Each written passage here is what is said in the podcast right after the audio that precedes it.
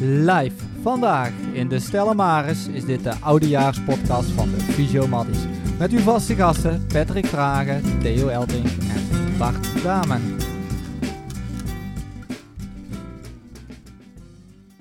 Goedemiddag heren. Goedemiddag. Vandaag de laatste dag van 2020 en het is eigenlijk wat tijd voor, uh, voor reflectie.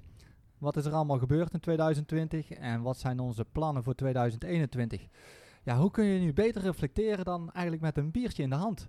Speciaal hierom hebben we uh, deze middag vrijgenomen, want uh, bier en patiëntenzorg, ja, dat gaat nou helaas niet, uh, niet eenmaal samen. wat wel samen gaat, is met bier, meester bierbrouwer moet ik zeggen, Emiel, Emiel Hendricks. Welkom Emiel. Dankjewel. Ja, leuk dat je vandaag te gast wilt zijn bij ons. Ja, de reden voor de uitnodiging is, ja, wij zijn eigenlijk toch wel een beetje bierliefhebbers, kan ik, kan ik zeggen, denk ik. Hè? Ja, dat kun je gerust zeggen, Bart. Ja, dat mag wel, hè? Ja, jij bent wel de grootste, Bart. Is dat zo? Ja, dat nou, denk ik wel. Heel goed. Maar uh, Emiel, je, we delen deel ook met Emiel onze gezamenlijke hobby. En dat is uh, wielrennen, mountainbiken en uh, hardlopen. Ja. En dat gaan we eigenlijk ook een beetje bespreken. Ja, leuk nou, dat je er bent. Ja, leuk dat je bent, Emiel. Dank voor de uitnodiging. Ja, ja. Nou, graag gedaan. ik heb je al een beetje geïntroduceerd als meester bierbrouwer. Wat houdt meester bierbrouwer in? Ja, meesterbrouwer, uh, daar word je niet zo snel. Hè? Dus daar, uh, daar gaat een uh, behoorlijk lang traject aan opleiding aan vooraf. Mm -hmm. um, voordat ik in de brouwerij kwam, heb ik een HBO levensmiddeltechnologie in Den Bosch gevolgd aan de Has. Daarna ben ik bijna twintig jaar geleden begonnen bij de brouwerij in Lieshout, Bavaria, als productieleider, technoloog. toen ben ik ook een masteropleiding gaan doen in Schotland, de Harriet oh ja. Watt University in Edinburgh.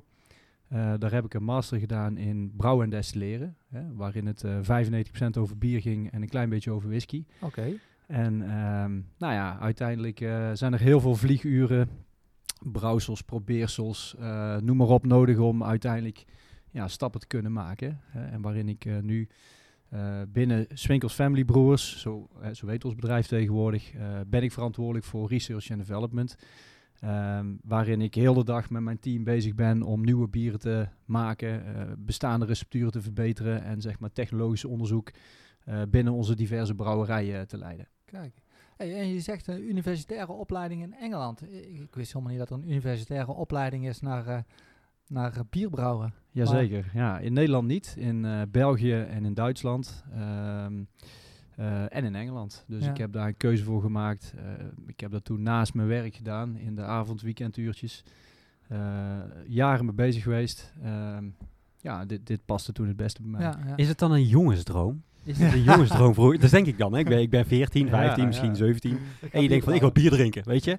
Is dit een jongensdroom? Ja, ik, ja een beetje wel eigenlijk. Ja. Um, sport en bier, die hebben me altijd geraakt. ik ben ooit als 16 jaar ging ik met de brommer naar brouwerij De Kroon in Oorschot. Um, om daar vakantiewerk te doen. Uiteindelijk heb ik daar uh, stage gelopen. En daar is eigenlijk mijn passie voor bier een beetje begonnen. Ja.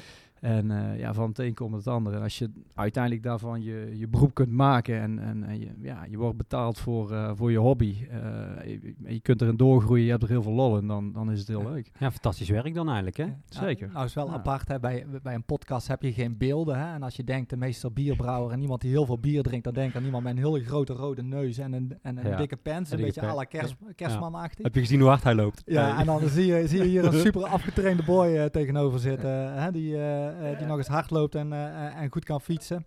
Ja, ja, ja, een mooie balans. Ja, een mooie balans. Hey, je, je, zei van er zijn meerdere brouwerijen bij de familie Swinkels. Waar zitten die brouwerijen nou? Nou, uh, Lieshout is onze, onze grootste brouwerij. Um, brouwerij uh, Koningshoeven, La Trappe, daar zijn we actief. Um, onlangs uh, brouwerij De Molen in Bodegraven. Dat is een beetje de, de hardcore craft beer business. Mm -hmm. um, die valt onder ons. we hebben twee brouwerijen in België. Dus de voormalige Palm en Rodenbach brouwerij. Uh, en een brouwerij in Ethiopië. En, en, daarnaast hebben we heel veel brouwerijen, met name in, uh, in Oost-Europa, waar ik uh, acht tot tien jaar geleden heel veel naartoe ben geweest. Um, Rusland, Kazachstan, Servië, Georgië, ja, et cetera. waar wij heel veel licentieovereenkomsten hebben. Okay. Dus daar brouwen ze bijvoorbeeld Bavaria of Hollandia bier met ons recept. Ja, ja. Okay. ja. Nou ga ik heel eventjes bij jou weg, Emiel, want ik kijk nog heel eventjes Patrick aan, want daar wil ik eigenlijk ook nog even mee beginnen. Want we hebben gisteren een, een oudejaars quiz gedaan, digitaal, via Teams en Kahoot, om toch een beetje een gezamenlijke afsluiting met ons team te krijgen. Nou moet ik weer toegeven, Patrick heeft weer gewonnen. Uh, zoals hij de Tourquiz, uh, uh, de Tourpool ook gewonnen heeft. De Vuelta Pool volgens mij, de Giro Pool. Oh, ho, nee, niet? Eentje heeft hij niet gewonnen. Wie wie had hij gewonnen? Theo? Ah. Ja, ik denk dat jij hem gewonnen had, Theo, ja. De Vuelta, volgens mij. Maar voor, maar voor, de rest hebben we altijd van hem verloren. Daar ben ik met je eens. Nou wil ik toch wel even weten wat jouw tactiek was gisteren, gisteravond. Nou, ik ben begonnen met eerst een fles wijn leeg te drinken. Want mijn moeder die was jarig, dus ik dacht, ja, wijntje kan wel. Ik win toch wel. Ik win toch wel met twee vingers in mijn neus. Um, nou ja, de vragen gingen ook wel grotendeels over mij. Dus ik, uh, volgens mij was het een oh beetje om mij in de zijk te zetten. dus ja, het zou, zou, wel slecht zijn als ik die niet zou weten, inderdaad. Ja, ja. Ik dacht al doorgestoken kaart. Maar had 21 van de 25 vragen goed, Bart. Dat is toch best veel? Dat is veel, ja. Maar de 21 vragen gingen ook over hem, volgens mij. Ja, bijna wel. Bijna. Nee, hij wist best veel, moet ik zeggen. Hey, uh, wijn gedronken, zeg je. Is hij nou vloeken in de kerk hier, uh, Emiel? Nou ja, uh, ik, ik, had liever uh, gehoord dat hij natuurlijk zei van ik heb een van uh, een geweldig bier gedronken. Maar nee, wijn, het is, iedereen is vrij om te kiezen wat hij wil en om daarvan te genieten. En dat, ja. is, dat is ook het mooie. Ja. Hey, waar gaan we mee beginnen? Want ja, ik zie hier allemaal biertjes staan. En, ja, natuurlijk. Denk, als, er een, als er een brouwer komt, dan moet je proeven. Hè? Dat is even verplicht. Ehm, dus we beginnen met een, een nieuwe Bavaria 0.0. Uh, die is uh, sinds een paar weken ligt in de winkels. Mm. En uh, compleet anders dan zijn voorganger. Uh, waarin het echt zeg maar ja, ontstaan, gebrouwen met een spliksplinternieuwe in, ja, installatie hè, die we in Lieshout hebben opgebouwd. En waarmee we echt zeg maar de kloof, de traditionele kloof tussen een product met en zonder alcohol echt flink sterk gaan verkleinen. Uh, waarin dat uh, heel veel mensen al verbaasd waren um, dat het echt 0.0 was. Hè. We ja. hebben zelfs klachtenmails gekregen die uh, bij de service desk binnenkomen van dat mensen 100% zeker wisten dat er alcohol in zat. Nou, okay. een groter compliment kun je niet krijgen. Ja, ja precies. Nou, dus ik, gaan we ook maken. Ik ben, ik ben heel erg benieuwd. En hoe kwamen ze tot het idee om een compleet andere 0.0 te maken dan? Vanwege dit? nou, um, daar ben ik een van de veroorzakers van. maak, dus, maak er maar niet te veel open in één keer, hè? Nee, ik maak er we hebben keurige uh, degustatieglaasjes bij. Mooi. Nee, uh, met de oude technologie die wij in huis hadden, in ja. Lieshout, uh, waren we niet in staat zeg maar, om zo dicht echt bij een, een, een ja, bij een echt bier te komen. dus daarvoor ben ik op reis geweest, samen met collega's. zijn we menig brouwerij in Europa afgestruind. Uh, waarin we gekeken hebben naar technologieën, naar vooral heel veel bieren die we geproefd hebben, gemaakt met verschillende mogelijkheden. En uiteindelijk uh, uh, ja, is daar een, uh, een, een, concept uitgekomen, uh, waarin dat we eigenlijk een hybride installatie hebben gebouwd in Lieshout, ehm, waarin we eigenlijk uh, ja, 0.0 pils kunnen maken, maar ook ehm, heel veel andere soorten. Dus voor diverse andere merken binnen ons bedrijf. Hè. Dus dat gaat van een 0.0 blond of speciaal bier of een trappist of een IPA of een, een kunt ze gek niet bedenken. Die mogelijkheden die hebben in principe in die installatie uh, ingebouwd en ingewikkeld. Um, ja, dat begint nou uh, tot leven te komen. Dit is het uh, bier wat we nu gaan proeven is het derde bier wat van die nieuwe lijn vanaf komt, zeg maar. Oké. Okay. Ja. Nou, ik ben Proost. Ja, ja cheers. Jongens, ja, zeker. Proost. Hoe, uh, hoe zit het eigenlijk met de calorieën ja. van, uh, van alcoholvrij bier, om daar even op, uh, op aan te haken? Dat is een goede vraag. Um, dus dit bier, als je goed op het label kijkt, dan zit hier slechts 21 kilocalorieën in per 100 milliliter. En dat is ehm, ruim twee keer zo weinig dan zeg maar een gewone pils ehm, van 5% alcohol. Als je naar speciaal bier gaat, dan gaat het al snel naar de 70, 80 uh, calorieën. Hè. Calorieën in bier die komen vooral van restsuikers, uh, van alcohol, een klein beetje van eiwit. Ja. Vet zit er niet in. Um, dus, uh, en dat is een van de uh, grote voordelen. Hè. Dus naast dat er geen alcohol in zit, een stukje gezondheid, maar ook ehm, steeds meer mensen, zeker in deze tijden van corona, hè, van, van, die zijn steeds bewuster gaan die om um, met het, het kopen. Hè. Uh, ze, ze, kiezen heel bewust voor een aantal producten. Mm. Nou, dan is alcoholvrij bier uh, past daar heel goed bij. Um, zeker ook omdat het uh, ja, gewoon laag in calorieën is, laag in suikers is. Um, en je hebt toch het gevoel dat je bier drinkt. Ja, ja. Smaakt ja, goed. Ja, dus jullie zien uiteindelijk de vraag naar alcoholvrij bier, die is echt wel toe aan het nemen dan de ja, laatste jaren. Daar zit al jaren in de lift. Um, zeg maar voorheen had je echt 0.0 pils alleen, een beetje de oude maltstijl. En inmiddels um, in mijn dagelijkse werk, ik denk dat we 15 verschillende projecten hebben. allemaal 0.0 tot laag alcoholisch.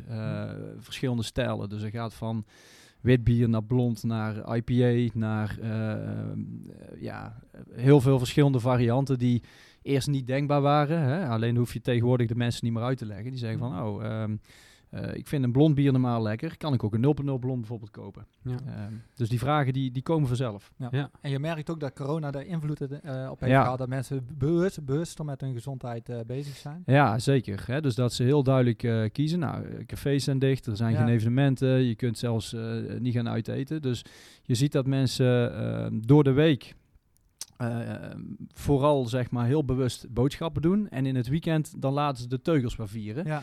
Wat zich vertaalt dat uh, 0.0 ehm, ja, nog meer, hè, die, die groei die zet door. Uh, en in het weekend zie je heel duidelijk, zeg maar, uh, dan mag het ook wat kosten. Hè? Dan mag het een, een, mooi flesje bier, grote flessen, bieren met een verhaal. Um, hè? verkooppunten bij trakteurs en delicatessenwinkeltjes, die, die verkopen er nooit zo bier, hè? zoveel bier als ooit van mhm. tevoren. Ja, duidelijk. Nou kijk ik jullie ook eventjes allemaal aan, want uh, we hebben het over gezondheid. Nou, dan begin ik meteen eventjes naar onze, onze sportdoelstellingen van begin van het jaar. Of, ik weet niet of jullie sportdoelstellingen hadden. Ik had er wel een paar. Uh, Vertel dan. Nou ja, ik, Vertel. Nee, vorig jaar onder andere met Emiel heb ik een, uh, een hardloopwedstrijd gelopen in Reuzel. Ja, ik kon hem niet de baas. Ja, jij had gewonnen volgens mij en ik was, uh, was tweede. Dat is mooi, hè? Ja, ja, er zat er nog eentje voor. Die was nog... Oh, er zat er nog eentje voor voor ons. voor jullie. Ja. Dus die heeft serieus hard gelopen. Ja, en hij liep, ik zag hem steeds harder lopen op Strava. Hè, want hij, je, je, ziet hem, je zag hem sprongen maken. En volgens mij gingen we alle twee ook de, uh, zeg het is, de halve marathon van, uh, van Hapert uh, lopen. Ja, ja, En die was helaas afgelast. Of ja, we zouden strijden, maar volgens mij werd het al geen strijd. Want ik zag dat Emiel eigenlijk harder ging lopen dan, dan ik. Dus ik was ergens wel weer blij dat hij afgelast was. Want goed tegen mijn verlies kan ik ook niet. Uh, ik had het afgelopen jaar één mountainbike-wedstrijd uh, toen nog gereden in, uh, in Alphen. Oh ja, begin van het jaar. Begin van Februari was het toch? Ja, ja. En ja, zo had ik nog een paar wedstrijdjes, vooral crossloopjes, nog wel in de, in de planning staan, die allemaal niet, niet doorgingen. en ik had begin van het jaar natuurlijk ook wat, wat omvangdoelstellingen gesteld. Ik, ik wilde minimaal 7000 op de, op de fiets rijden en ik wilde er ongeveer 1500 lopen, zeg maar. Um, ja, dat is anders gelopen dit jaar. Ik weet niet of jullie nog doelstellingen hadden afgelopen jaar? Nou ja, die heb ik vrij snel in de prullenbak kunnen gooien. Uh, in het voorjaar was ik dus naar Tenerife. En uh, was eigenlijk als voorbereiding van het eerste doel. Zou ik eigenlijk de uh, rondjes gaan rijden. En die zou in waaiers gereden uh, worden. En dan had ik eigenlijk mijn voorstel om... Ik wou eigenlijk in de eerste waaier finishen. Dat was mijn, mijn doelstelling. Dat was geloof ik 250, 260 kilometer. Dus ik was lekker aan het trainen op Tenerife. En op een gegeven moment brak daar dus de, ook de problemen oh braken uit. En uh, wij konden nog net op tijd terugkomen. Wij zeiden, de zondag dat wij terugvlogen is daar ook de lockdown in gegaan. Dus ik zat in het vliegtuig met uh, Jan Bakelands en met uh, Annemiek van Vleuten. Die dacht ook, we moeten nu snel weg. Voordat we dadelijk niet meer terug kunnen. Ja. Um, alleen toen kreeg ik al vrij snel in de gaten van ja, dat gaat hem niet worden. Hè, die, die tocht die gaat niet verreden worden. Alle wedstrijden lagen er op dat moment ook op uit oh, van, van de Camper Cup. Ja.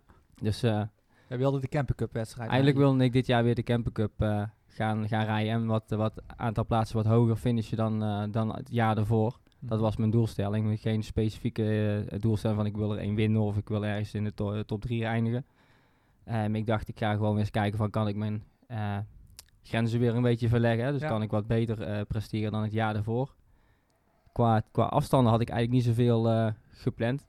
Dat, ja, andere jaren reed je afstanden van... Uh, 200 kilometer, 250 kilometer, 300 kilometer af en toe. Ja, ja, en dat, dat ging dit jaar gewoon niet door. Ik ga geen 300 kilometer fietsen als ik nergens op het terras iets kan eten of kan drinken. Dus dat, uh, dat heb ik echt... Uh, ik heb het maar twee keer boven de 200 gefietst dit jaar. Terwijl dat je dat normaal gesproken bijna iedere week doet. Dus uh, en Theo en ik gingen niet mee, dus hij hield het ook al op. En jij Theo, had jij nog... ik, ik, eh, had weinig doelstellingen. Ik, ik, ik, ik had een, een baby. En dus ja, ik wist niet wat ik hoeveel kon fietsen te ja of te nee. Ja, weet ik mhm. veel. Maar uh, nee, dus ik had eigenlijk een beetje een gedachte. Ik, het jaar daarvoor had ik volgens mij 10.000 kilometer. Dus ik wilde iets tussen de 5 en de, en de 7.000 kilometer Ja, maar je wilde ook gaan lopen, zei je. Dat, ja, ja dat is eigenlijk al een heel groot doel al enkele jaren. Maar ik ben fysiek gezien niet zo geweldige loper. Uh, en conditioneel ben je te goed voor fysiek, dus dat vraagt om problemen. waarschijnlijk herkenbaar. Ik zie al een paar mensen knikken, knikken hier. Ehm, dus ik had eigenlijk gehoopt dat ik iets van een 500 kilometer zou kunnen gaan, gaan hardlopen. Dat ik in ieder geval grotendeels blessurevrij zou blijven om eigenlijk mijn belastbaarheid uh, eigenlijk een beetje op te, op te bouwen. Om jullie later uh, in een, over enkele jaren het, vuur aan de scheen te leggen in zo'n wedstrijdje. Maar ja, helaas uh, is er niks van gekomen. Jawel, je bent ja, wel, van, wel van het lopen, maar niet van jullie wedstrijdje. Nee, je bent vader geworden. Ja, ja sowieso. Ja, zeker. Dat was vorig jaar al. Vorig, jaar, al, maar goed, met de kleine is alles anders. Dus ik, ik had al Swift. Hè. Swift was natuurlijk al, al uh, een heel mooi dingetje, een mooie tool. Dus ja, uh, als die kleine dan uh, een uurtje in, in de, ja, eigenlijk gewoon beneden lag te slapen, dan, dan kon ik toch nog een uurtje bovenop op de roller zitten. En ik heb, nou, ik denk dat ik bijna de helft van al mijn kilometers tijdens het hardlopen af, afgewikkeld heb met, met de kinderwagen. Mm. Kinderwagen duwen. Ja, je, je moet flexibel zijn, toch? Loopt dat beter of loopt dat slechter? Ja, veel slechter. Ja. Veel slechter. we hebben ook een runnings uh, runners buggy eigenlijk. Alleen er is nou te koud voor, want je legt er eigenlijk... Hè, ze ligt dan met de gezicht van je af. En dan, ja, als er wind is, dat, dat is niet eerlijk. Dus dat doen we maar niet. Dus nou lopen we uiteindelijk weer terug met de kinderwagen. Die hadden we uiteindelijk al gekocht, met van die extra grote wielen. Grote wielen en ja. daar kan ze dan mooi in liggen. En ze, ze, ze leidt daar helemaal niks van. Ik denk dat ze het eerlijk gezegd nog wel fantastisch vindt. In de zin van, of ze kijkt heel veel rond, of ze slaapt de, de hele tijd. Maar ik heb gewoon onwijs veel met, met dat ding gelopen. En dat doet mijn vrouw ook. En, en ik zelf ook. Ja, zo kunnen we uiteindelijk toch sporten. Het is niet anders. Ja, ja precies. Het is een beetje improviseren. En jou, Emiel? Uh, had jij nog doelstellingen? Nou, of ook uh, de, de, de was, uh, afgelopen jaar natuurlijk in december best goed bezig. Met wat, ja, uiteindelijk in december drie wedstrijdjes waar ik er twee van heb gewonnen en één tweede. Dus afgelopen jaar, oudjaarsdag 2019, had ik een mooie PR op de 10 kilometer te pakken. Ik denk, nou, dat smaakt naar meer. Wat was het dan? Ja, uh, zo competitief ingesteld wij ook weer. 35, 15. Ik heb hem vanmorgen Ai. even opgezocht. Ai, pijnlijk. Dus dat, was, uh, dat was lekker. Uh, nee, um, doelstelling voor dit jaar sowieso gezond blijven, veel plezier hebben. mijn oudste twee zoontjes die fietsen ook. Dus ik vind het ook leuk. bij het snelle wiel, daar ben ik zelf ook ehm, trainer, coach van. Um, nou, die hebben ook wel een wedstrijdje gefietst, maar eh, ja, best wel wat afgelast. Um, achteraf, hè, of uh, na die, ja, er zouden wat marathons komen. Ook de Camper Cup uh, vind ik leuk, van die, van die kermiskoersen. Dus een beetje de, de, de, diversiteit tussen hardlopen, wielrennen, uh, mountainbiken. nou, uiteindelijk is het vooral woon-werk geworden. Ja. Um, hè, daar heb ik een tijdritfietsje voor. en heel Varenbeek-Lieshout, dat is een, dat is een snelweg. Dus daar kun je mooi uh, toch trainen. Hè? En je komt s'avonds fit thuis. Uh, ja, wat lopen, mountainbiken. Ik heb heel veel uh, alleen gefietst dit jaar. Nog nooit zoveel alleen gefietst als anders. Uh, maar ja, uiteindelijk uh, toch, ehm, het werd slechter weer, het werd donkerder. Dus dan ga ik altijd wat meer lopen richting het eind van het jaar. En ik was eigenlijk goed in de opbouw naar, ik denk, ja, dan ga ik een marathon uh, lopen. Ik hou er ook van om doelen te stellen. En denk van, nou, dan ons pa, die, die had vroeger ook eens bij marathons gelopen. En zijn snelste mm tijd is 3.01. Ik denk, nou, dan ga ik die 3.01 aanvallen. Zo. Ehm, ja, ik zat aan de 28, 29 kilometer zoiets en toen uh, schoot er een beetje in. Dus ik heb, ik heb denk ik te veel Strava-segmentjes aangevallen met hoge intensiteit. En toen uh, lag ik bij jou op de bank in één keer. Ja. en uh, dat gaat wel beter. Maar nee, en volgend jaar, we zien wel, hè, voorlopig gaat er niks door. Maar ja. Vooral gezond blijven. Hadden jullie ook nog persoonlijke doelen dit, uh, dit jaar? Jij zei net al, je dochtertje is uh, in 2019 geboren en uh, ja, daar ging veel aandacht naartoe. Hè? Nou, dat was het grootste management hè, die ik moest doen. Hè? Gewoon alle de, de balletjes in de lucht houden van en, en werken in combinatie met, met het thuisfront en met ja. de baby.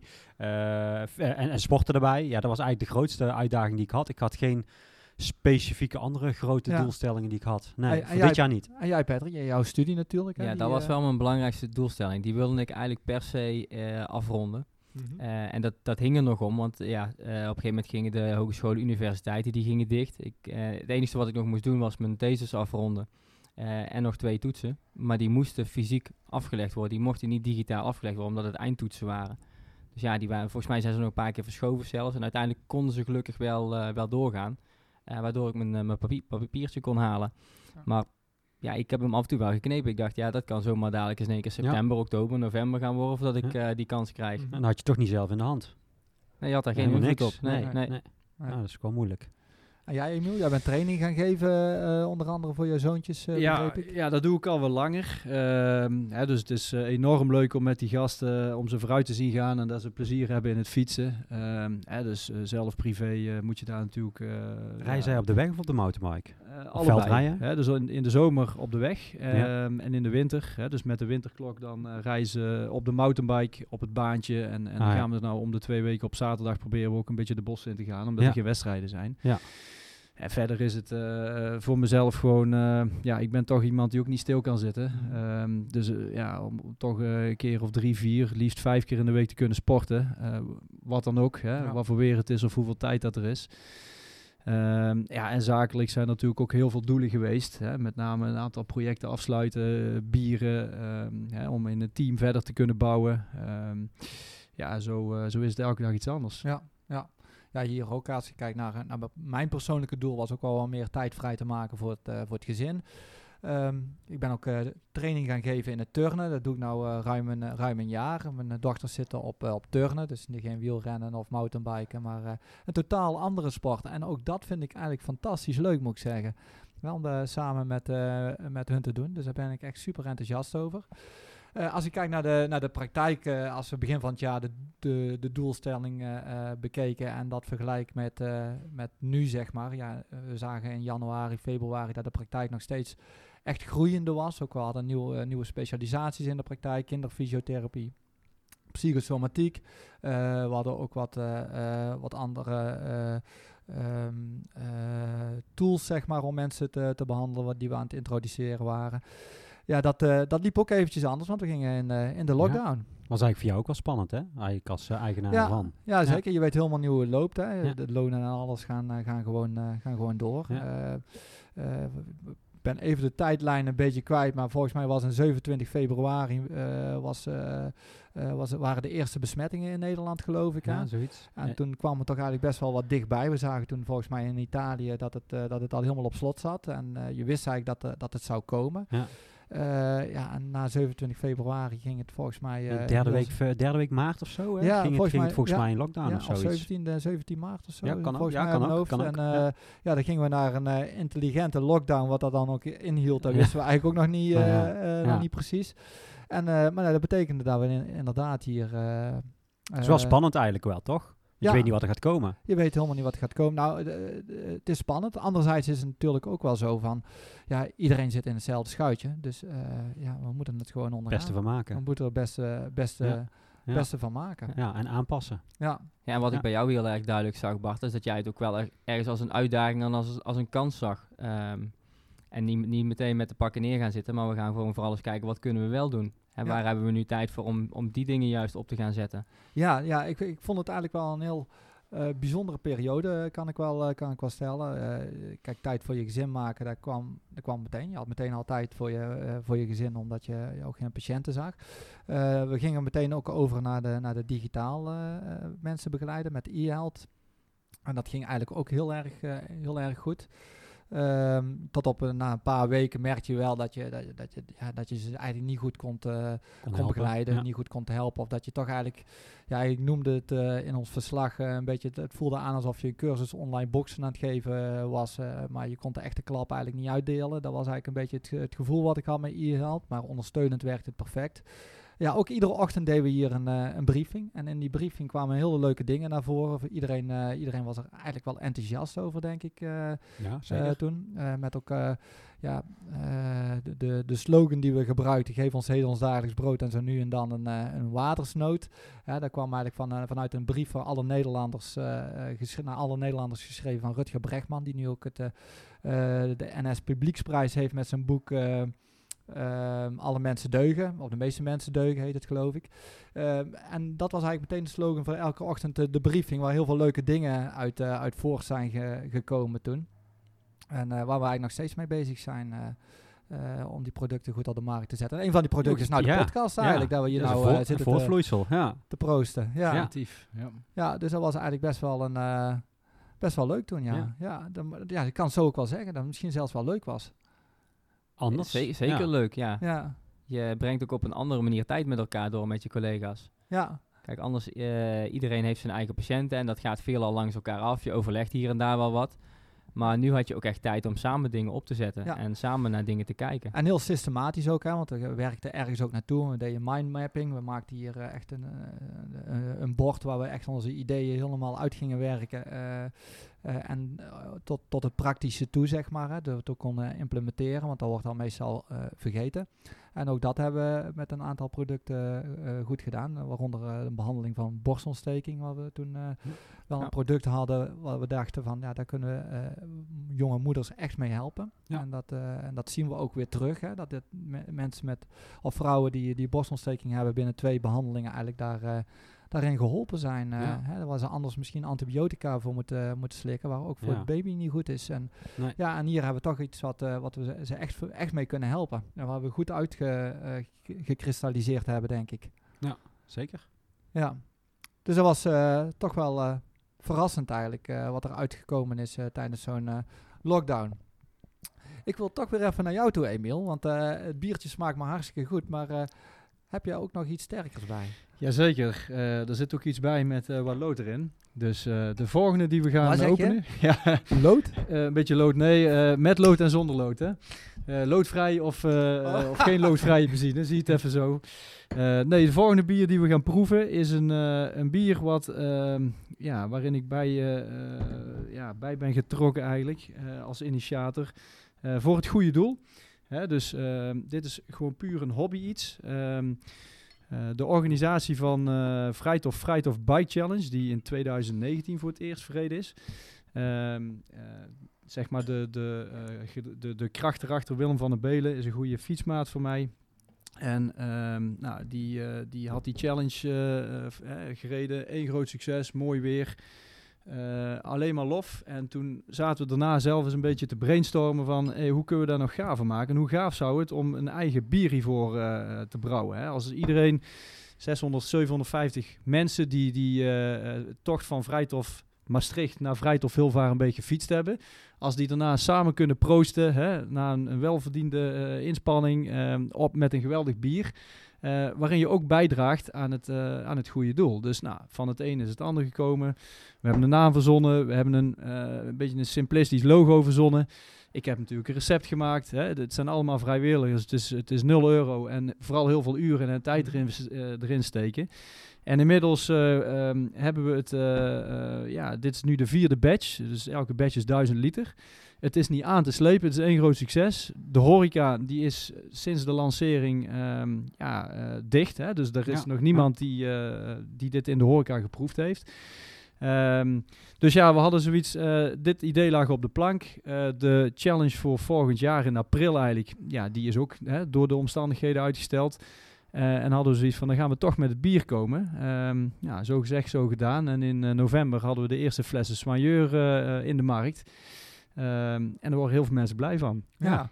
Jullie hebben het uh, in de kerstpakket gehad, uh, Theo en uh, Patrick. Ja, ja we zijn enorm blij mee. Ervan? Ja? ja? ik moet hem nog opdrinken. Dus dit is mijn eerste slok die ik nu ga nemen. Nou, dan gaan we eerst even weer ja. proosten. Ja, want, ik, ik, ja, ik ben heel benieuwd ik wil ik over kan Dan moet ik hem natuurlijk even inlichten. Dus een ja, vertel, vertel, nou, ja, vertel maar. dus de, de, de, de gedachtegang, hè, elk bier, hadden we het van tevoren al even over, heeft zijn eigen verhaal. En, en uh, als je hier nou een, een triple van 9% uh, achterover zou klappen, hè, denk even dat je 150 kilometer gefietst hebt, of misschien wel iets minder, dan zakt het meteen naar de benen. Hè. Dus je moet ervan kunnen genieten. Hè. Het, het, moet binnenkomen, maar het is ook wel leuk om er nog een van te drinken. Um, dus uh, zo is hij ook neergezet. Dus het is een extra blond, 5,5% alcohol.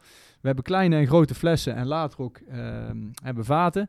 Uh, eh, 100% van de opbrengsten die gaan naar de KWF. En dat is het leuke aan het ja. systeem. Wat ook het doel is van de Vrijheid of Vrijheid of Bike Challenge. Die gekoppeld is aan Stichting Jandrea. Uh, daar gaan ook 100% van die opbrengsten naar het goede doel. Hè, waarin daarbij de eerste uh, editie iets van 235.000 euro op is gehaald. Zo, dus dat is een, veel uh, echt flink, ja. Veel ja. Dat is een mooie, mooie bijdrage. En jullie hebben ook een site, toch? Ja, een, een website, Facebook, Instagram. Um, dus als je naar uh, www.lesoigneur.com, moet ik even, even uit mijn hoofd, dat heb ik niet. Als moet ik even naar de, uh, de ja. fles kijken. www www.le-soigneur.nl. Als je daar naartoe gaat, dan zie je uh, punten waar je bier kunt krijgen, uh, het verhaal achter het bier. Uh, een paar mooie plaatjes. Uh, inmiddels hebben we ook uh, fietspakken te kopen, ja. wat, wat merchandise. Dus het, ja. het, begint echt een dingetje Ik zag gisteren een YouTube-filmpje in één keer online komen. Kun je daar eens iets over vertellen, Emiel? Ja, dat is geniaal. ja, dat is leuk. Leo Alkemade, hè, wellicht een, een bekende cabaretier, cabaretier in Nederland. vriend van The Challenge, vriend van, van Le Soigneur inmiddels. Die hebben we ehm, ja, eigenlijk gepolst om een aantal leuke filmpjes op te nemen en wat foto's te maken.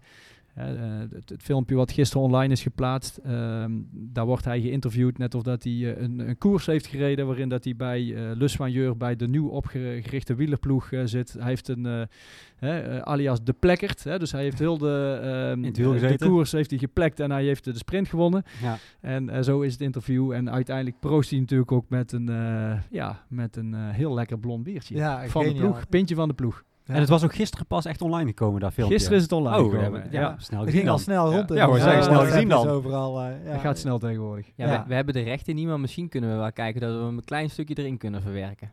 Oh ja? Ja.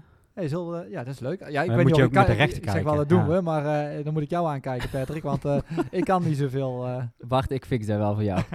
ja, ik zal hem doorsturen, dat komt helemaal goed. Ja. Ja, ik sta hier bij een bijzondere renner en die heeft een mooi verhaal. Hoe ging het deze Tour? Uh, ja, het was een mooie koers. Uh, we hebben lekker gereden. Uh, omstandigheden waren goed. de benen voelen goed aan. Ik had natuurlijk ook goed eten, goed te slapen. En, de ploeg wilde wel werken en ik had die natuurlijk peloton wel wilde koersen vandaag. En ja, er was genoeg hoesting. En als je dan de, de spurt kan maken en de overwinning kan pakken, dan kun je alleen maar zeggen dat je onnoemelijk trots mag zijn op jezelf, maar ook op de ploeg. Hè. En heb je veel gehangen of veel kop getrokken? Ja, vind ik een rare vraag. Uh, je hebt zelf kunnen zien dat ik wel uh, degelijk uh, blijf hangen. Ik ben wel echt een plekker.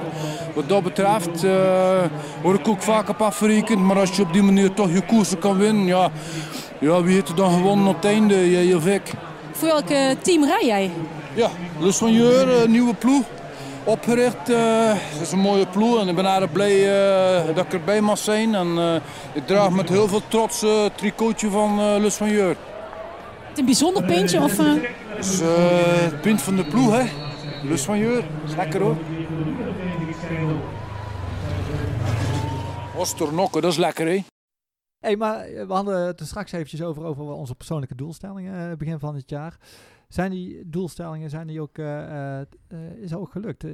heb je tijd vrij kunnen maken voor het gezin, Theo? Ja, met corona. We hebben uiteindelijk hier dus wel doorgewerkt. Maar ik heb wel wat tijd uh, extra vrij kunnen maken. Ja. en Ik, uh, ik, uh, ik, ik, hoop dat ik niks tekort gedaan heb in ieder geval. Ja. En Patrick, jij hebt je studie dus afgerond. Allemaal goed gegaan? Zeker goed gegaan, ja. Ja, ja. Nou, ik zit even te denken, want de, de, afgelopen jaar ben ik bijvoorbeeld ook, ook 40 geworden. Zou je niet zeggen, Bart? Nee, ja, dankjewel. nou, dan hadden we wel een groot feest hadden we in de planning staan. Maar ook dat soort dingen zijn, zijn, helemaal, niet door, zijn allemaal niet doorgegaan. Dat is allemaal, Zit er dan nog in de pijplijn?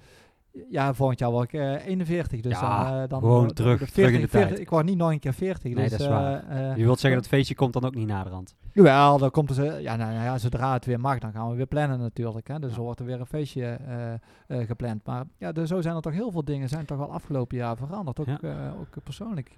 Ja, ook familiefeestjes, ja. noem maar op. alles is alles is uh, anders gegaan. kinderen die oud, thuis oudjaar vanavond. Hey, alles gaat anders. Ja, je hebt ook drie kinderen, Emiel. Hoe ja. heb jij de thuisonderwijs ervaren? Heb je daar een rol in gehad? Of, uh... Jazeker. Uh, ik ben um, hè, natuurlijk is het voor mij makkelijker om naar het werk te gaan, om, omdat, omdat daar het gebeurt. Hè. Dus wat teamsoverlegjes en bellen, dat kan ik ook in de auto en thuis doen. Maar echt, het, ik ben vooral heel dag aan het proeven en, en, en samen met ja, die Willy Wortels uit mijn team aan het kijken naar, naar bieren, een beetje naar links, naar rechts. En het gebeurt op de brouwerij. Dus mm Sanne, mijn vrouw, die is vanaf het, uh, die werkt in Rotterdam bij het uh, Erasmus MC. En die is vanaf het eerste moment, uh, eigenlijk nog voor de lockdown kwam, was het in Brabant al veel groter dan in Rotterdam. Dus toen werd zij heel vriendelijk verzocht om niet naar Rotterdam te komen, omdat daar natuurlijk de brandhaard was.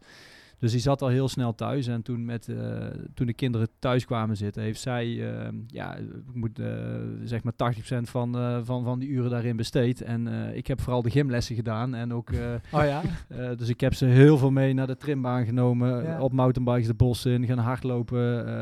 we hebben ook geocaching, daar vond ik een oh, leuk ja? alternatief. Hè? Dat is natuurlijk ook laagdrempelig in de natuur. En je bent buiten en je bent aan het bewegen. Ja hartstikke leuk voor die mannen. En uh, uiteindelijk uh, ja, zijn ze allemaal overgegaan als goede rapporten. En zitten we nou weer in hetzelfde schuitje. Hè? Dus na volgende week uh, weer twee weken ehm, kunnen we aan de bak, minimaal. Ja, ja, ja, ja. ik dus, heb voor volgende week ook inderdaad s ochtends vrij gepland tot, tot twee uur om, om thuisonderwijs te kunnen, te kunnen geven. Maar ja, de vraag is hoe lang het inderdaad nog gaat duren. Nou is ook, vandaag is de, de laatste dag van het jaar. dan is ook altijd de top 2 2000 aan de gang. hebben jullie bijvoorbeeld nummers die jullie doen denken aan het afgelopen jaar? Hebben jullie een, een, een beeld of, een, of, een, nummer dat past in de top 2000, wat, wat, voor jullie typerend is van het afgelopen jaar? Ja, ik heb er wel eentje. hij past niet helemaal, hij past ook wel binnen dit jaar, maar het past vooral ook bij mij als persoon. En hoe dat ik naar dingen kijk. Um, dat is What It Is van Mark Knopfler. Ik ben thuis opgegroeid met de muziek van Dire Straits. Uh, daar, daar, stond eigenlijk altijd aan bij ons. Dus alleen helaas, toen ik geboren werd, zijn zij ook gestopt met optreden. Dus die, de band is toen uit elkaar gegaan. Dus ik heb ze nooit live kunnen zien. Wel heb ik uh, verschillende los heb ik er gezien. Ik heb John Ilsley heb ik gezien. Um, Chris White en Chris Witten heb ik gezien. En ik heb Mark Knopfler zelf gezien. Ja, dat is een van de mooiste concerten waar ik ooit bij ben geweest. Die man die is, ja, die is fenomenaal met een gitaar. Wat hij kan, dat is echt uh, ja, dat is prachtig. En het, eigenlijk het nummer wat het is, staat heeft voor mij de betekenis, ja, kijk, het is wat het is. We moeten het er maar mee doen. dus je kunt je eigenlijk heel erg druk maken om dingen waar je geen invloed op hebt. Maar daar heb je vooral jezelf mee. En dat is wel hoe dat ik ook tegen dit jaar aan kijk. je kunt heel veel dingen gaan niet door. Het is nou helemaal zo. Ja. Je kunt jij er wel heel druk om maken, maar maak er, maak er wat van op een andere manier en kijk wat wel kan. Ja, precies. Dat is wel heel typerend voor dit jaar. Dat is wel mooi. Ja. En jij Theo, heb jij iets wat... Uh... Nou, ik heb dus Mark Knopfler ook in een... Uh, ik, we waren in uh, Antwerpen volgens mij, dat is al echt al tig jaar geleden. En uh, waren we een concert van, eigenlijk van Bob Dylan. Maar die gast die kon er helemaal niks meer van, Bob jongen. Dylan niet? Nee, die was echt... Die, nee, jongen, die stond ongeveer dronken op, de, op dat podium. Die kon er echt... Echt, echt verschrikkelijk. Er waren mensen, echt gewoon trouwe fans, die waren boe aan het roepen en verschrikkelijk. En er waren mensen weg aan het gaan. Maar hij stond dus in het voorprogramma al fantastisch. Echt, ik heb gewoon een fantastische avond gehad. Alleen die vent, die kon er dus, die Bob Dylan dan in dit geval, kon er niet veel van. Maar ik heb eigenlijk heel veel mooie muziek, uh, wat ik uh, eigenlijk gewoon überhaupt vind. Of dat ze nou met dit jaar te maken hebben, ja of nee. Maar ik kon niet kiezen. Maar... Um, we hebben wel onlangs heb ik, uh, heb ik, heb ik een, een weddenschap gewonnen van, uh, ik denk Bart. Ja, ja Bart. Want het was, uh, we hadden namelijk een discussie over de top 2000. Wij vinden de top 2000 ook allemaal leuk. Uh, Emiel, vind jij dat ook leuk of niet? Absoluut muziekliefhebber. Ja, nou wij vinden dat ook leuk. En dan zeker in die eindejaars, hè, weet je wel. Dan heb je dan patiënten en dan hoor je stiekem die muziek uiteindelijk achter tussendoor. Dat is altijd wel een mooi sfeertje. Alleen uh, toen kregen we op een gegeven moment een nummer en ik kende dat niet. En Bart had hem dus in zijn, zijn lijst staan, want wij waren onze lijsten aan het scrollen. En uh, Bart, die, uh, ja, die ging die Bart is een klein beetje overdrijven, doet hij af, af en toe. Hè? Dat is, dat dus hij was helemaal lyrisch over één nummer. En hij was in dit geval aan het vertellen en fantastisch. Ik zeg, ja, dat ken ik helemaal niet, jongen. Ja, maar dat staat in de top 2000. Ja, jongen, je liegt, jongen. Dat kan me nou niet voorstellen. Op een gegeven moment ging het zoeken. Stond dat nummer stond op 69 afgelopen jaar. Dus stond eigenlijk dus best hoog. Um, dus ja, ik, ik kon het natuurlijk niet hebben. Maar goed, op een gegeven moment gingen we dus discussiëren. En Bart, nogmaals, die houdt dan van lichtelijk een beetje uh, aandikken. Die staat volgend jaar, uh, of dit jaar dan, 2020, hm, zeker in de top 50. Ik zeg, jongen, houd toch op met die onzin van jou. Ja, want ik ken het nummer dus eigenlijk niet. ligt misschien meer aan mij.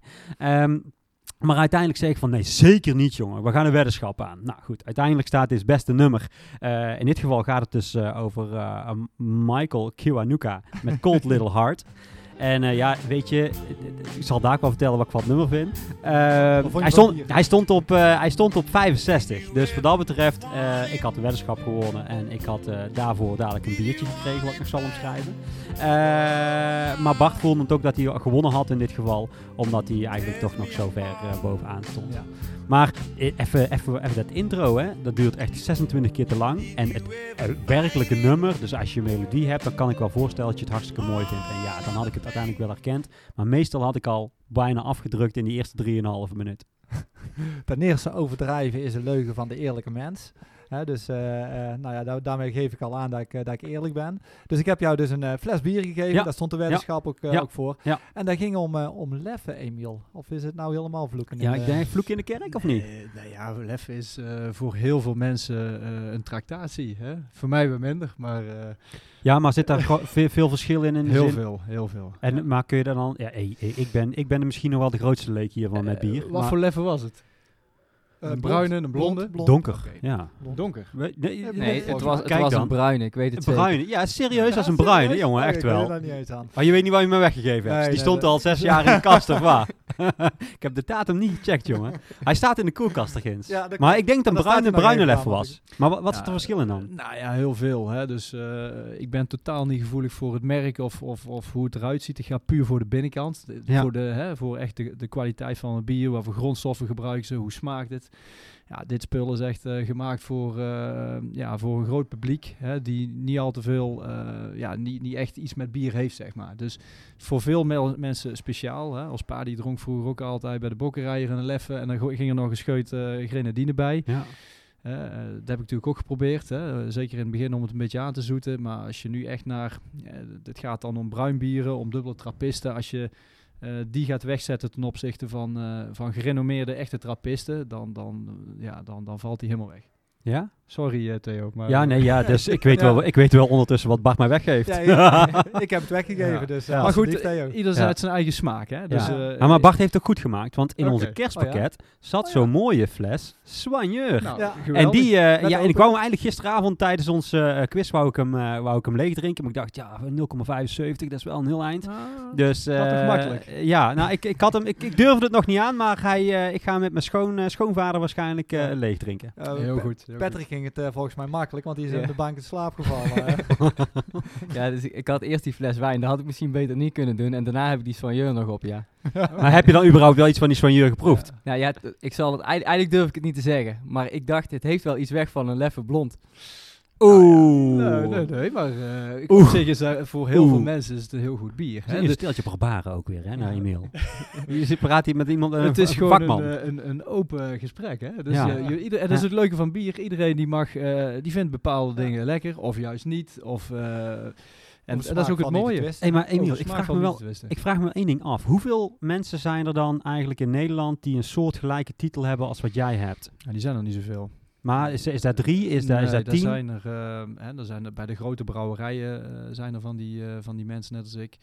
Ehm, dus bij Heineken, bij Grols, bij AB InBev. Hè, dus de- die zijn er geen tien in Nederland. Oké. Dat is eigenlijk toch wel best wel speciaal. Ja, wel? Ja, Ja. Dat is ook Ja. wel gaaf. Betekent ook dat je, dat je al die landen af moet gaan? Want je had het net over eh, een brouwerij in Ethiopië, Ja. België, eh, Argentinië noemde je volgens mij. Nee, nee, Argentinië niet. Helaas niet, want Oh, dat vind ik wel een heel mooi land. Ja, maar betekent dat dat je daar ook overal naartoe moet gaan? En, Ja, eh, ja hè, in België zeker. Eh, dus daar ben ik normaal gesproken best wel vaak. Hè. Door de laatste maanden ja, eigenlijk helemaal niet. Is alles Mhm. op afstand. Ja. Mits het echt niet anders kan.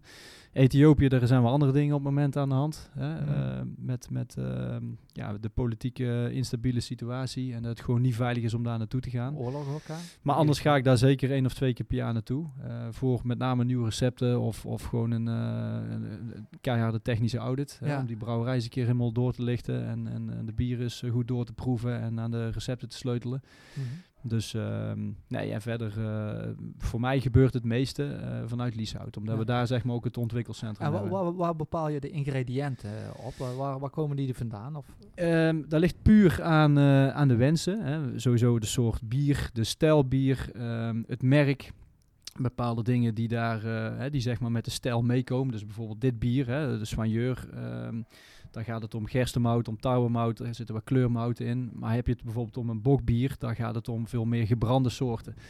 Eh, gaat het om, eh, we hebben natuurlijk nog een, toetje in de koelkast staan. Oh Daar ja. zitten weer wat, wat, wat meer exotische mouten in. Om eh, in dit geval wat, wat whisky-achtige noten, wat, wat smoky-achtige noten te raken. En ja, dat kun je met gewone pilsmout kun je dat niet doen. Dus daar heb je wat meer, ja, wat extra munitie voor nodig om er daar op een natuurlijke, mooie, gebrouwen manier in te krijgen.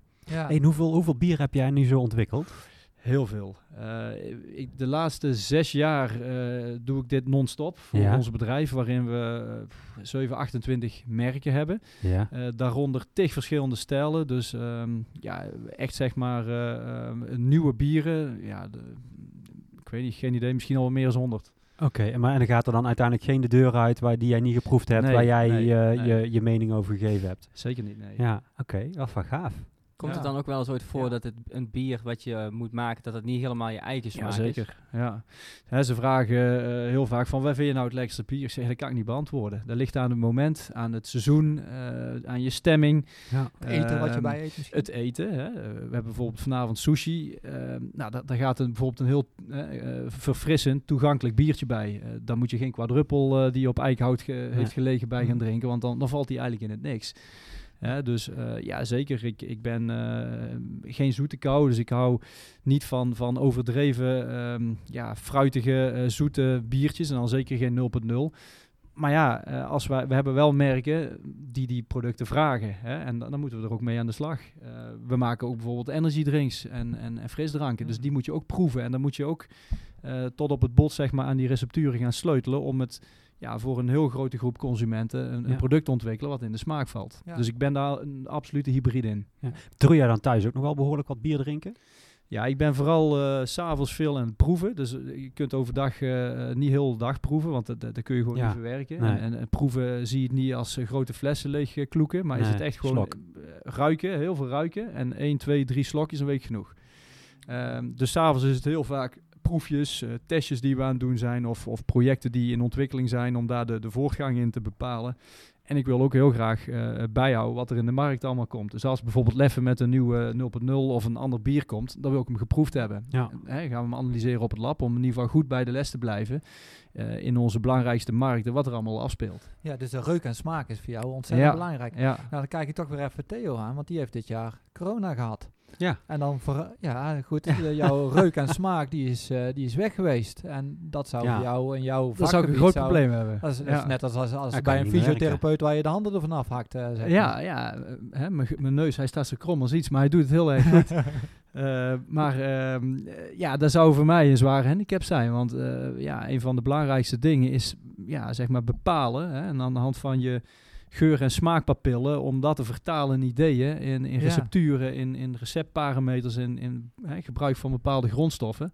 Ehm, ja, dan komt alles bij elkaar. En als je dan het belangrijkste, je geur en je smaak verliest, ja. dan, dan zou ik gewoon gehandicapt zijn. Ja, als we kijken naar een aantal patiënten die we nog onder behandeling hebben, die hebben gewoon al maanden geen reuk en smaak meer. Sanne, mijn vrouw, eh, die heeft het ook in een maand niet meer gehad. Ja. Ik, heb drie, ik heb drie dagen.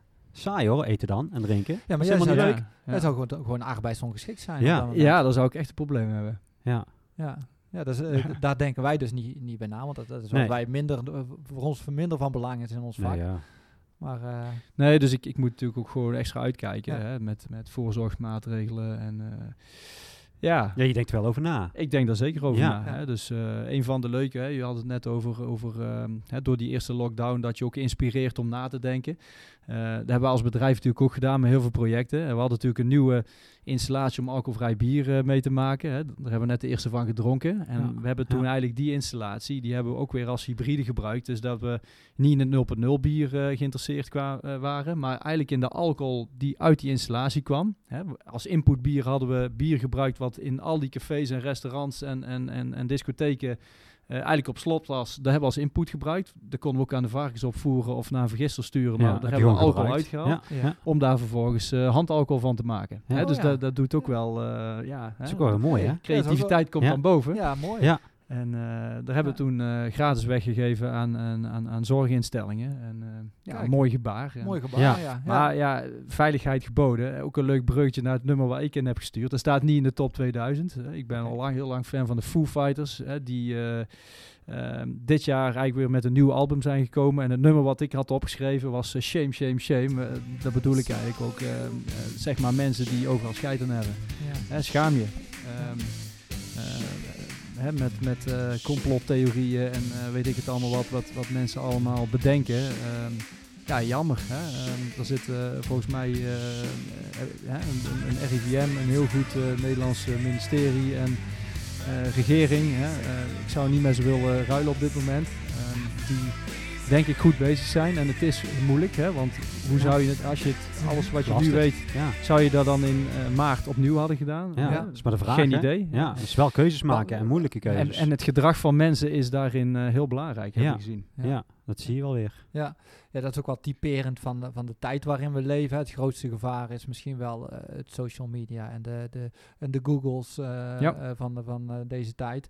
Hè, dat je, je hoeft maar één woord in te zoeken en je krijgt, krijgt allerlei informatie ja. erover. Hè. Dus de confirmation bias eigenlijk al wel vaker over hebben. De, de toets in injecties en, en chips. En je krijgt vert, voortaan alle, alle, alle, informatie over injecties en chips naar je toegestuurd. Dus ja, um, ja, dat, dat is ook wel echt wel iets van, van, van, van deze tijd, uh, denk ik.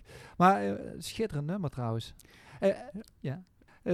Patrick, jij ging een lijst maken of zo, hè, die we erachter... Nou ja, ik ga ze er dadelijk gewoon tussen plakken. Oh. Dus um, we, we, gaan de nummers, wij zelf horen ze niet, maar de luisteraars gaan ze als het goed is wel kunnen horen. Oké, ik ben benieuwd. Ja, ja ik, heb, ik heb ook een nummer. Welke? Ik heb van David Bowie. en Mooie naam. Ja, Jouw dochter is er uh, niet naar vernoemd, maar die heet wel zo. Ja. Ja, ik ben vorig jaar uh, naar um, een musical geweest van David Bowie, Lazarus. schitterend, schitterend musical, maar daar, daar kom ik eigenlijk niet op. Ik ben, in mei was het volgens mij Lego Masters, de, de finale. En uh, toen was ik uh, met de kinderen van mij, was ik uh, de Lego Masters de finale aan het kijken. En die waren, die, ja, die waren echt super enthousiast. En, iedere, iedere zaterdag keken ze naar de Lego Masters. En nou was de finale. En ik zat met mijn biertje in de hand, op de bank, onderuit gezakt, telefoon in de hand. En ik was de, van SpaceX, was de ruimtelancering, zeg maar. Dat de eerste keer de mensen naar, in, de, in, ja, in de lucht werden geschoten, ja, in, de, ja. in de ruimte werden geschoten. En ik was aan het kijken. En toen kwam mijn dochtertje van zeven, die kwam naast me staan. En die zei van, papa, waar ben je eigenlijk aan het kijken? Ik zei, ik ben een ruimtelancering aan het kijken. Hè, dan gaat er een space shuttle de lucht in, of een raket de lucht in. En zij, de ogen gingen open, zijn raketten lucht in. En ze stond achter mij en ze stond mee te kijken. En die livestream hè, van SpaceX. Ja. En we keken eigenlijk naar een beetje een, een Tesla die op zijn kop, eh, op zijn kop stond. Hè? Dus uh, je keek eigenlijk naar twee uh, of een aantal astronauten die erin zaten. En die keken naar het dashboard van de, van de Tesla, zeg maar. En dat duurde zo ja, nog drie kwartier of zo. En ze was heel Lego Masters vergeten, wat in de achtergrond uh, nog, nog stond op de tv. En ze was naar, de, naar dat schermpje aan het kijken. En ik vond het al fascinerend hoe zij er naar, naar aan het kijken was. Want je zag helemaal niks, behalve die astronauten die naar, naar het dashboard aan het kijken waren. En ze vroeg heel tijd, papa, hoe lang duurt het nog? Ik zeg, dat duurt nog uh, eh, 35 minuten. Oké, nog 35 minuten. Geef je daar ook wel aan wanneer het begint? Ja, ik geef het aan. Nou, dus uh, even later weer. Papa, hoe lang duurt het nou nog? Ja, nog, nog 16 minuten. Dus uh, oké, oké, dan, dan, wachten we nog. En even later vraagt ze weer, hoe lang duurt het nou nog? Ja, ik zeg nog, nog vijf minuten. Oké, dan, begint het, dan begint het zo, zegt ze. Ja, dan begint het zo. Oké, geef je daar ook wel aan wanneer het aftellen begint? Ja, ik geef het zo aan. Dus op een gegeven moment, op 10 seconden ging het. Uh, nou gaan ze aftellen, Sarah. Dus 10, 9, 8. En ze renden naar buiten toe. Hè. Ze renden naar voren de straat op, voor de tuin. In de pyjama. in de pyjama. En met haar handen boven haar ogen keek ze uh, zo tuurde ze naar de, naar, naar de hemel. Ja. En ze bleef daar staan en ik keek naar buiten hartstikke verwonderd. Ik denk, ja, dat, dat is inderdaad verwondering. Dat, dat is nou verwondering. En ze komt weer terug, uh, ze komt weer terug binnen en ze was eigenlijk teleurgesteld. Papa, dat zou de eerste keer zijn dat ik een raket heb gezien. En dus uh, zij heeft dus heel die Lego Masters in finale niet gezien. Ze heeft continu naar die, naar, die, ja. naar die Tesla die op zijn kop stond gekeken. En... Uh, en, ze rent naar buiten toe. En dat is wel wat het doet. Dat is wel wat deze tijd eigenlijk brengt. Een beetje de, de verwondering, zeg maar. En hoe kom ik dan op David Bowie, uh, live on, uh, on Mars? Nou, als je naar, naar SpaceX gaat, dan staat het filmpje van, van die lancering. staat, daar, staat daar op de site. Met een nummer van David Bowie eronder. En ik was er al fan van. En ja, nou vond ik dit wel echt een heel typerend van het moment. En ook wel wat dit jaar ook wel bracht. Het bracht ook wel verwondering, zeg maar. Ja, mooi. Ja, dat is mijn verhaal van uh, top 2000. En het staat op plaats, want ik heb net even kijken, gekeken, plaats 483. Dus er staat uh, eh, 482 plaatsen te hoog eigenlijk. ja. ja, dus mijn ervaring met de, met de, uh, met de muziek van, van dit jaar. Even kijken, als we nou even teruggaan naar het sport weer eventjes eigenlijk alles is afgelast van de zomer. Olympische Spelen is afgelast. De Tour was in eerste instantie afgelast. Het uh, ja. WK voetbal, denk ik, hè? uh, EK. EK, EK voetbal. Ik ben het zelfs al helemaal... alles op zijn kop. Hè? Alles op zijn kop. Nou, ik was de Tour, werd, wel, werd wel verzet. De Olympische Spelen is naar volgend jaar verplaatst.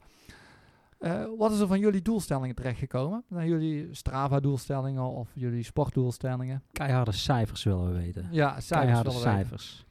Nou, als ik vandaag nog tijd heb, dan kan ik nog net 50 kilometer fietsen. Dan heb ik die 11.000 gehaald. Maar, Oeh, uh, dan, dan, hey, dan heeft, dan heeft uh, woensdagochtend heeft hem wel echt genekt, Bart. Schitterend. Toen was je er niet, Ja, woensdagochtend was je niet, want hij belde heel erg eigenlijk teleurgesteld op. Van, K, ik heb mijn ketting heb ik gisteren gewisseld, gisteravond. Maar verhip, hij slaat over. Dus ja. toen, ging, toen, ging, toen ging je niet mee. Maar je hebt 11.000 kilometer. Bijna, ja. Wow, dat is echt wel Dat is eigenlijk wel net zoveel als, uh, als andere jaren. Terwijl ik dat ik dan vaak in de zomer uh, de Alpen in ga, drie weken. Dus, uh, ja, maar je fietst nou in de winter ook veel meer als eerste, denk ik. Ja, zeker. Ja, we hebben dit jaar ook wel heel veel op de mountainbike gereden. Dus dat ja. ja. veel meer dan andere jaren. En jij Theo? Hey, maar even, moeten we het niet over zijn balletschoentjes hebben met hardlopen? Hoeveel kilometer heeft hij hard gelopen? Oh ja. Uh, denk ik 50 of 60. Ik was het al snel beu. Ik heb een paar Strava-segmentjes aangevallen. Met de voetbalschoenen. Hij liep met, met zijn voetbalschoenen hard. Met, met, met turfschoenen. Ja. En de, alles tussen, tussen de 100 en 400 meter, dat gaat redelijk hier in de buurt. Maar uh, als het langer duurt, dan uh, gaat het gewoon te hard voor mij. Je had er nog een paar van mij afgepakt, hè? Ja. ja Hebben jullie teruggepakt eigenlijk? Sommige wel, maar niet allemaal. Maar, sta, ga, maar ga je niet zeggen welke? Je stond wel op mijn blacklist volgens mij, hè? Ja. Hoe is het met jouw blacklist trouwens? Die is alleen maar langer geworden, maar ik hou hem nog steeds bij. ja, je hebt er niet veel meer, hè? Ik heb dit jaar 19 kommen. Ja, ik, had 19, ik heb nog even gekeken. 19 segmenten heb ik... Uh, heb je die nog over? Nee, ik heb er, nee, ik heb, er, ik heb er 19 nieuwe. Ah, okay. 19 nieuw, maar ik heb er wel heel veel verloren. Ja, ik heb wel een paar ja. pagina's aan, uh, aan segmenten uh, verloren. Ja. Maar ik heb wel 699 persoonlijke records. 699? Oh, 699. Ja. Ik heb 13.000... dat zegt ook misschien iets over de jaren ervoor. Ja, misschien wel. Ja, ja toch? Dus ik uh, ben toch best goed bezig. Ik heb 13.000 ontvangen kudo's. Dus uh, mensen vonden het toch wel uh, goed wat ik gedaan heb, denk ik. ja. dat is ook een interpretatie, Emiel. Ja. Ik heb, ja, motivatie. Ja. Ik heb uh, 6339,5 kilometer gefietst. Veelal gemountainbike moet ik zeggen. Want we hebben dit jaar niet zoveel op de racefiets uh, gezeten. We hebben veel nee, uh, technische parcours gereden. Dus het, eigenlijk hebben we nog best wel goed ons best gedaan. Want ik zeg we, we want we hebben veel samen toch, toch gefietst. Uh, hardlopen heb ik wel alleen gedaan. Daar zit ik op uh, 1495 kilometer. En mijn uh, jaardoelstelling is, is 1500. 1500 kilometer. Dus ik moet er daar nog 5 kilometer lopen. Dus ik weet, niet hoe, ik weet niet hoe zwaar dadelijk het volgende biertje wordt. Dat is wel een mooie motivatie. ik, moet er, ik moet er nog 5 lopen, ja. ja. En jij, Emiel? Uh, ik had als doel om 8000 kilometer fietsen. Dat heb ik net niet gehaald. Um, ik heb wel heel veel gelopen. Ik denk uh, 12, 1300 kilometer Zo. toch. Um, ik heb meer geklommen als vorig jaar. Dat vind ik wel een leuke. Ik zit even te kijken. Ik heb 57.000 hoogtemeters geklommen. Dat is best veel. En veel dus Zwift of? Uh? Nee, nee, eigenlijk helemaal geen Zwift. Uh, gewoon uh, puur. Um, vooral eigenlijk, uh, ja, we zijn toch een paar keer hebben weg kunnen. Dus we zijn in het voorjaar een keer naar Limburg geweest. Daar heb ik ja. best wel veel geklommen. In de zomer uiteindelijk toch nog naar het buitenland gekunnen. Hè. Lekker kamperen zijn we vooral in de, in de Franse Alpen geweest. Daar heb ik behoorlijk wel hoogtemetersjes weggetikt. Uh, ja, en uiteindelijk, uh, ja, dat vind ik dat wel een mooie. Uh, hardlopen, je hebt, je hebt over, over kommetjes. Ik mm. heb ook even zitten kijken. Ik heb er 43 nieuwe. Um, het jaar ervoor had ik er meer. Maar de meeste die heb ik dit jaar wel gehaald op lopen. Dus op ja. lopen vooral, ja, toch wel korte, maar ook wel langere afstanden. Um, en ook met mountainbiken. een paar leuke komst. Degene waar ik dit jaar het meest trots op was, die heb ik twee dagen denk ik gehad. Was in het begin van de eerste lockdown was ook de grens afgesloten hè, van België naar Nederland. Dus op de uh, op het drielandenpunt. Uh, ja. Er stonden hè, barakken, uh, rotsblokken op de weg. Um, en er was een mooie, de, de veilerweg, de, de klim zeg maar, naar boven naar drielandenpunt en weer terug. Die heb ik toen gepakt en die, ja, die heb ik twee dagen volgehouden. En toen gingen daar profs trainen, daar heb ik toen geen kans tegen. Ja, maar dat ja. vond ik toen wel een hele mooie. Zo, ja, dat is een ja, mooie. heel goed. Ja. Ja, ik heb hier met mijn komst een beetje concurrentie gekregen. Dus ik heb er dit jaar inderdaad niet zoveel, helaas. Maar goed gedaan, Emiel. En, uh, en jij, Theo? Ik praat niet meer over mijn komst vandaag, want uh, ik heb er niet veel meer gepakt volgens mij dit jaar. Nee, ik heb er echt heel weinig. Ik heb ook geen kroontjes gezien bij jou. Ik, ben, ik heb er, ik, ik, er, zijn er, er zijn er maar een stuk of vijf volgens mij. Ja, op de fiets ik, Ja, ja, nee. Hardlopend, laat me zitten. Met mijn kinderwagen. kinderwagen. Met een kinderwagen. Ja, maar zo, oh, zonder kinderwagen maakt me ook niet uit hoor. Dan moet ik ergens een nieuw segment aan maken, maar anders gaat het me ook niet lukken. Maar ik heb uh, 7118 kilometer gefietst. In dit geval is het dus Swift op de weg fietsen en mountainbiken. Maar ik denk dat we oh. bijna twee derde op de mountainbike gezeten hebben. En ik heb even kijken, 783 kilometer hard gelopen. Waarvan, waarvan ongeveer 80 kilometer gewandeld in de Eifelsteig. Dus wij zijn met onze vriendengroep zijn we in Duitsland oh zijn we gaan, eh, gaan wandelen voor, uh, voor drie dagen. En dan hebben we 80 kilometer gewandeld in drie dagen. Dus die zitten daarbij. Toen had ik heel keurig mijn Strava aanstaan. Ja, maar heb je die dan op hardlopen gezien? Nee, ja, ja, ja, hiken? hiken of zo. Ja, weet ik veel. Oh, ik, maar in ieder geval, het zijn er of 700 of 780.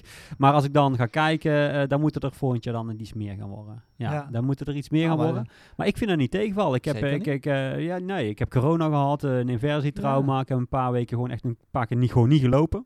Ja. Dus um, ja, ik vond eigenlijk dat ik het niet slecht gedaan had. Ja, knap. Ja, Ik denk dat we het allemaal best wel redelijk hebben gedaan. Zo, uh. ik, ben, ik ben zelf tevreden in ieder geval. Ja? Ik denk dat dat het belangrijkste is, toch? En wij, wij sporten allemaal gemiddeld denk ik wel tussen de drie en de vijf dagen per week. Ja. Toch? Of niet? Ik zit, uh, ik, oh, dan moet ik even kijken.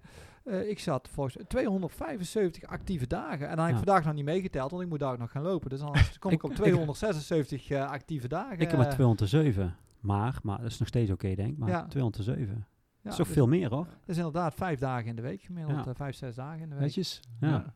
ja. Maar bij deze wil ik eigenlijk wel met jullie afspreken. Als jullie volgend jaar een halve marathon gaan lopen, dan ga ik meetrainen. Dan doe ik mee. Dan, staat, denk ik. Dan staat hij al. Dan staat hij. Doe je mee, Theo? Maar in een wedstrijd technisch of wat? Ja, als gewoon in training. Dan maakt niet uit. Anders maken we zelf een wedstrijd. Anders maken we zelf een wedstrijd, ja. Oh, dat vind ik goed. Dat is niet zo'n probleem. Die loop ik morgen. Ja, Spreekwoordelijk. Ja, Alleen niet zwart, uh, Ja, maar goed. Als, als er geen wedstrijd is, kunnen altijd een, eh, nou, segment aanmaken. Van serieus, weet je, je krijgt af en toe van die gekke gedachten. Als je dus op een gegeven moment gaat hardlopen, dan denk je 15 kilometer uh, kunnen lopen zonder problemen. En dan ga je een beetje dromen, hè? dat is hartstikke mooi.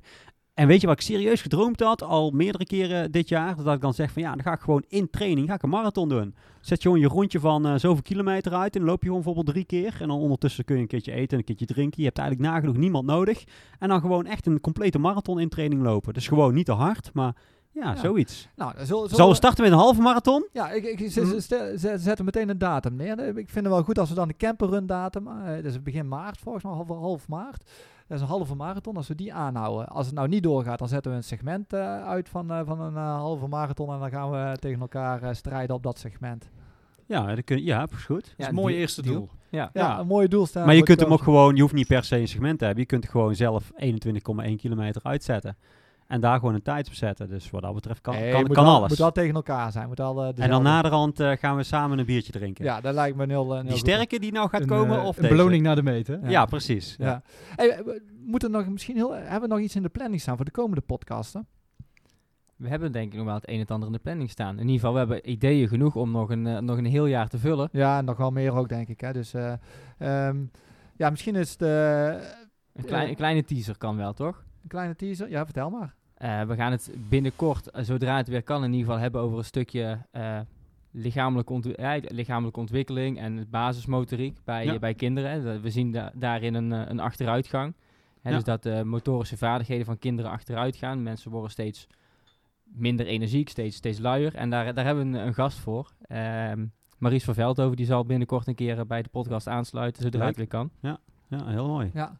En uh, we hebben nog wel wat meer in de, in de planning staan. We moeten even kijken hoe het gaat uh, met, uh, met corona ook. Of van mensen Ja, mensen uit kunnen nodigen of in, in, kunnen bellen inderdaad. In kunnen bellen. We hebben zelf ook nog onderwerpen die we zelf graag willen, willen uitdiepen. Ja. Um, ook als mensen vragen hebben of tips suggesties. hebben. of ja. suggesties voor, een, voor een podcast. Stuur ze graag zelfs. Hè? Dus of u wilt dingen van ons weten. stuur ze Stuur ze naar ons op, uh, naar, naar ons mailadres info at sportrevalidatie.nl. Ik zal het daar nog een keertje noemen. Uh, en dan kun je gewoon, uh, gewoon vragen stellen of, of, of, tips voor podcasts sturen. ik kijk Emiel nog even aan, want je had het net over een toetje volgens mij. Ja, ik, ik heb van tevoren heel... Um, eerlijk geïnformeerd of dat er ruimte was voor een toetje. Zei, ja, tuurlijk is er ruimte voor een toetje. En een proeverij die sluit je natuurlijk altijd af met een toetje. Hè. Dus daar, er zit een mooie opbouw in. Um, hè, we zijn van 0 naar 5,5 naar 8,5 gaan we nu. Uh, procent alcohol.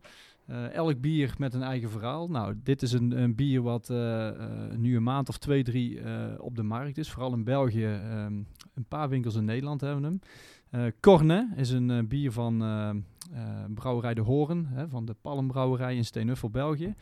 Ehm, dus de gewone Corne is al een zwaar blond bier en die is ook met, met Amerikaanse eikenhoutsnippers. Deze is zeg maar dubbel ookt en hij is ook nog smoked. Dus daar hebben we Schotse whisky mout voor gebruikt. Um, die uh, een beetje een peat karakter heeft. Dus wat, wat hinten heeft van Schotse whisky. Hoe hoger in Schotland naar boven, hoe meer turfachtig, hè, peaty dat hij is. En er zit heel subtiel in dit bier ingebouwd. Um, daar moet je een beetje van genieten. Dus als je daar nog gaat hardlopen, Bart, uh, ja, hij moet even zakken. Uh, maar uiteindelijk gaat, uh, het, is het wel een mooie kerosine, denk ik. Duurt nog lang voordat 12 uur is vanavond, hè? Dus, ja, kan ik lang hardlopen. Ja. Hij ziet er ook wel mooi uit, al moet ik ja, ook zeggen. Ja, ziet er een beetje... ridder op. Hoe, la hoe, lang, hoe, lang, hoe lang blijft zo'n zo'n zo'n biertje uiteindelijk dan in de handel? Is dat puur afhankelijk van de afzet die er uh, gemaakt wordt? Of, of ga je gewoon sowieso wisselen na, ik noem maar iets, een jaar of twee jaar? Ja, dat, is een goede vraag. Uh, Cornet is nu uh, een jaar of acht, negen in de markt en is, een, ja, is echt een gerenommeerde categorie geworden. Omdat het een bier is wat, wat eigenlijk er niet is. Hè. Dus, dus er is geen tweede van. Um, ik schenk ze ondertussen in. Ja, het ziet eruit als een rijke beloning. Zo. Um, dit is Moet ik naar huis dadelijk? Dit is uh, uh, gestart als een limited edition. Um, ja. Maar bij succes zal het zeker een blijver worden. Hè? En als, hij, uh, um, ja, als, het, als daar heel veel mensen blij van worden en hij verkoopt, ja, dan, dan zal hij in het standaard assortiment op worden genomen. Ja. en ja, waarom niet? Hè? Hij heeft alles in zich om, om daaraan te voldoen, als je het mij vraagt. Ik ben wel benieuwd, dadelijk. Het is een volle pot.